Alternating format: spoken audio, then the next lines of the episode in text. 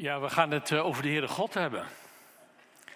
Niet zo verrassend misschien, maar ehm, het is de aftrap van een serie over het karakter van God. De komende drie weken. En we beginnen vandaag in het boek Exodus. En, en eh, ik lees uit het slot van hoofdstuk 33 en het begin van hoofdstuk 34, maar je moet eventjes weten waar we zitten in dat grote verhaal van Exodus. We zijn bij de Sinaï. En daar zijn we al even. Sinds hoofdstuk 19 is het volk daar aangekomen. En uh, we blijven daar voorlopig.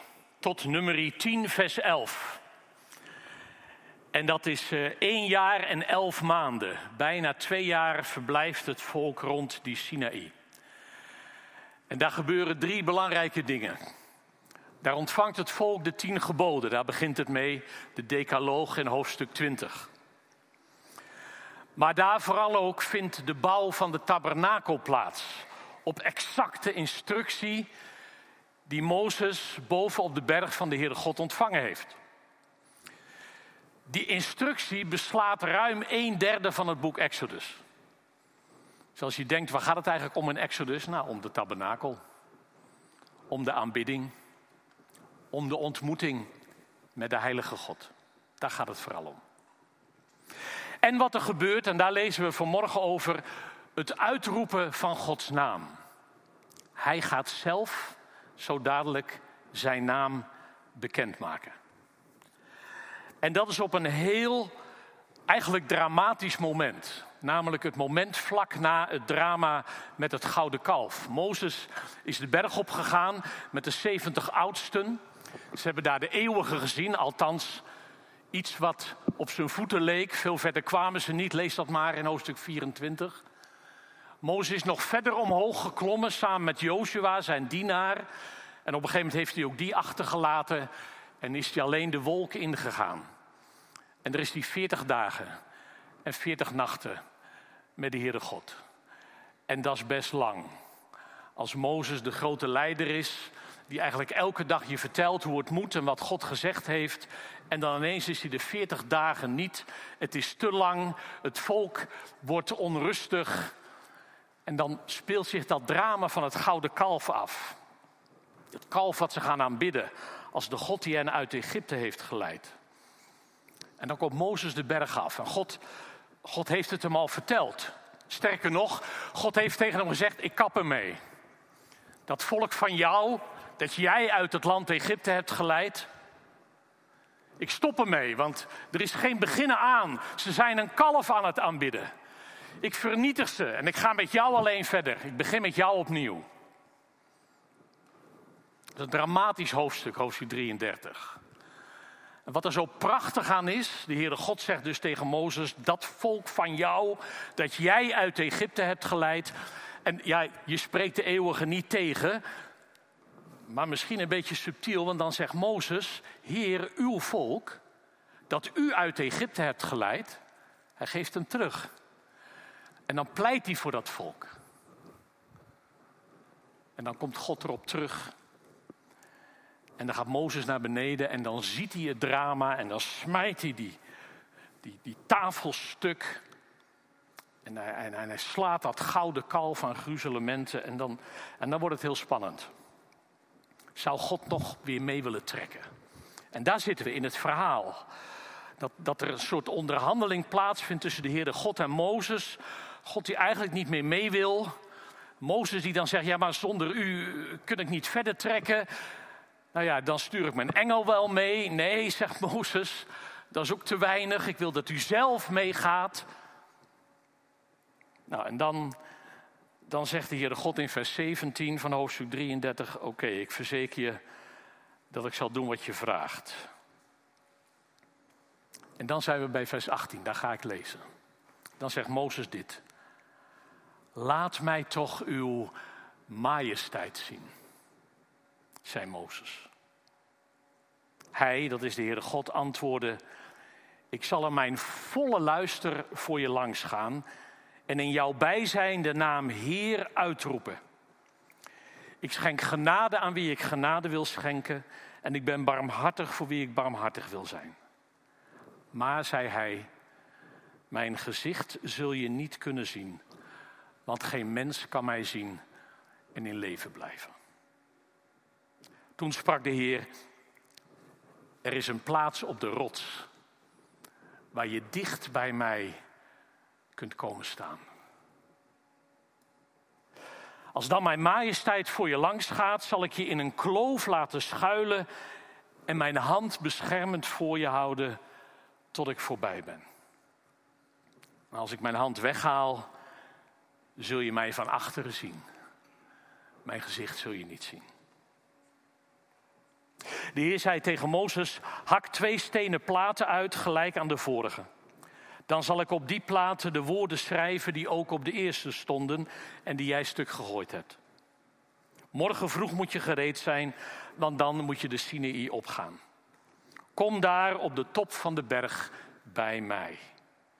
Laat niemand met je mee naar boven gaan. Op de hele berg mag niemand te zien zijn. En ook de schapen, geiten en runderen mogen niet in de nabijheid van de berg grazen.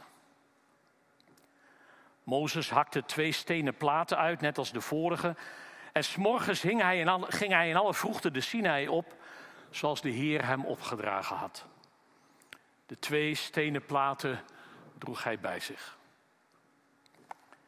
De Heer daalde neer in een wolk. Hij kwam bij Mozes staan en riep de naam Heer uit. De Heer ging voor hem langs en riep: De Heer, de Heer, een God die liefdevol is en genadig, geduldig, trouw en waarachtig. Die trouw blijft tot in het duizendste geslacht. Die schuld, misdaad en zonde vergeeft, maar niet alles ongestraft laat. En die voor de zonde van de ouders de kinderen en kleinkinderen ter verantwoording roept tot in het derde en vierde geslacht. Onmiddellijk viel Mozes op zijn knieën en boog zich neer. Als u mij goed gezind bent, Heer, zei hij, trekt u dan met ons mee. Ook al is dit volk onhandelbaar. Schenk ons vergeving voor onze schuld en zonde en maak ons tot uw eigen bezit.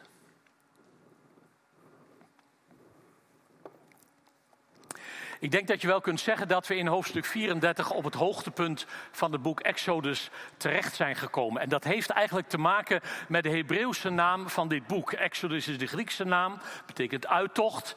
En daardoor word je eigenlijk gelijk op het spoor gezet van, oh, het gaat vooral om de uittocht. Maar de Hebreeuwse naam is Shemot. En Shemot betekent naam of namen. En de Hebreeuwse namen zijn altijd ontleend aan de openingswoorden van het boek. Genesis is Bereshit, dat betekent in den beginnen. En daarmee wordt de toon gezet. Daar gaat het om, in den beginnen, vanaf het begin, in beginsel, van oorsprong. God schiep. Daar gaat het om in dit boek. En in Exodus gaat het om Shemot, om de namen. Niet alleen de namen van hen die uit Egypte wegtrokken. Niet alleen de naam van hem die uit het water wordt getrokken en het volk uit zal leiden maar vooral de naam van de eeuwige. Zeg mij toch wat uw naam is, zegt Mozes in hoofdstuk 3. Want als ik naar dat volk moet zeggen dat u ze uit wilt leiden, wie kan ik dan zeggen hoe u heet? Ik ben die ik ben. Ik zal zijn die ik zijn zal. Zo is Mozes op weg gestuurd. Zo is de uittocht, heeft plaatsgevonden. Maar nu op dit, ja, nogmaals dramatische moment komt God zelf nog een keer zijn naam uitroepen. Want ik ben die ik ben, ja. Zegt niet zoveel natuurlijk. Maar wie ben je dan? Ja, ik ben. En hier vult God als het ware zijn naam in. Met die naam waarmee alles staat of valt. En die woorden die hier vallen, met name die, die, uh, die tweeslag, emet en gemet, liefdevol en genadig, die wandelt vanaf hier als het ware door de Bijbel heen. Hij duikt steeds weer op in Hemia, in de psalmen, onder andere psalm 145, de psalm waarmee we begonnen, in het boek Jona, andere plekken in de profeten, om straks thuis te komen in het Johannesevangelie.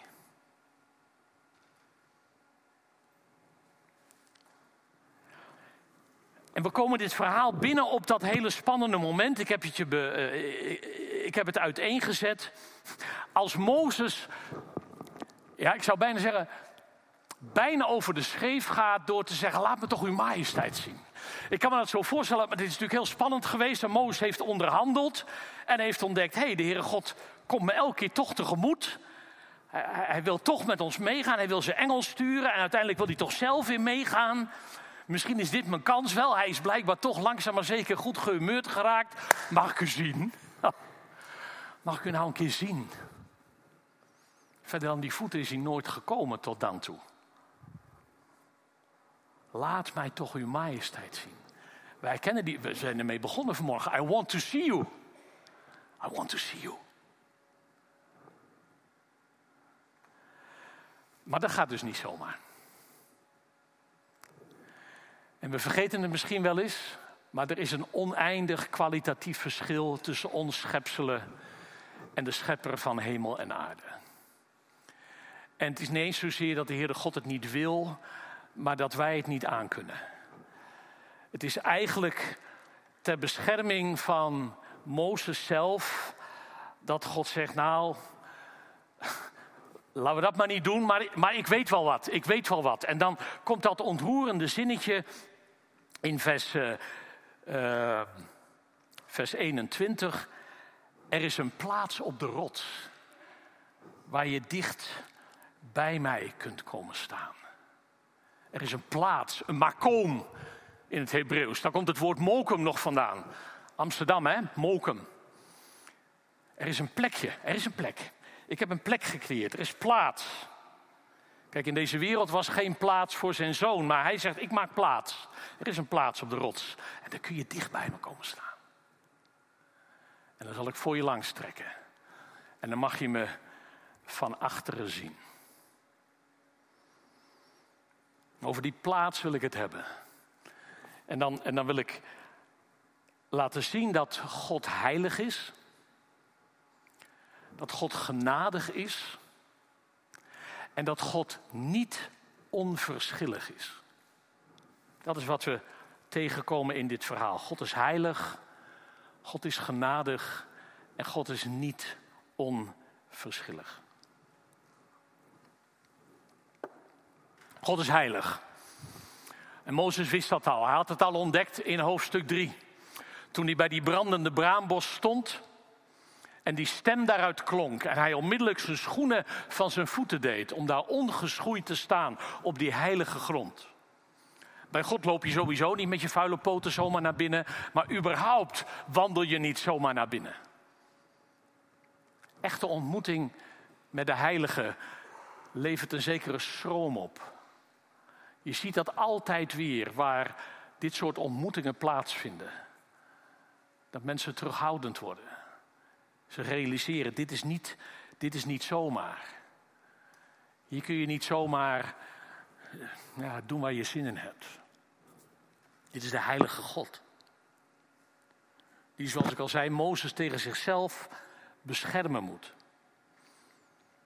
Dat heilig, dat weten we uit een ander soort ontmoeting bij Jezaja. Jezaja 6 in de openbaring 4. Dat wordt altijd gezongen in de hemel.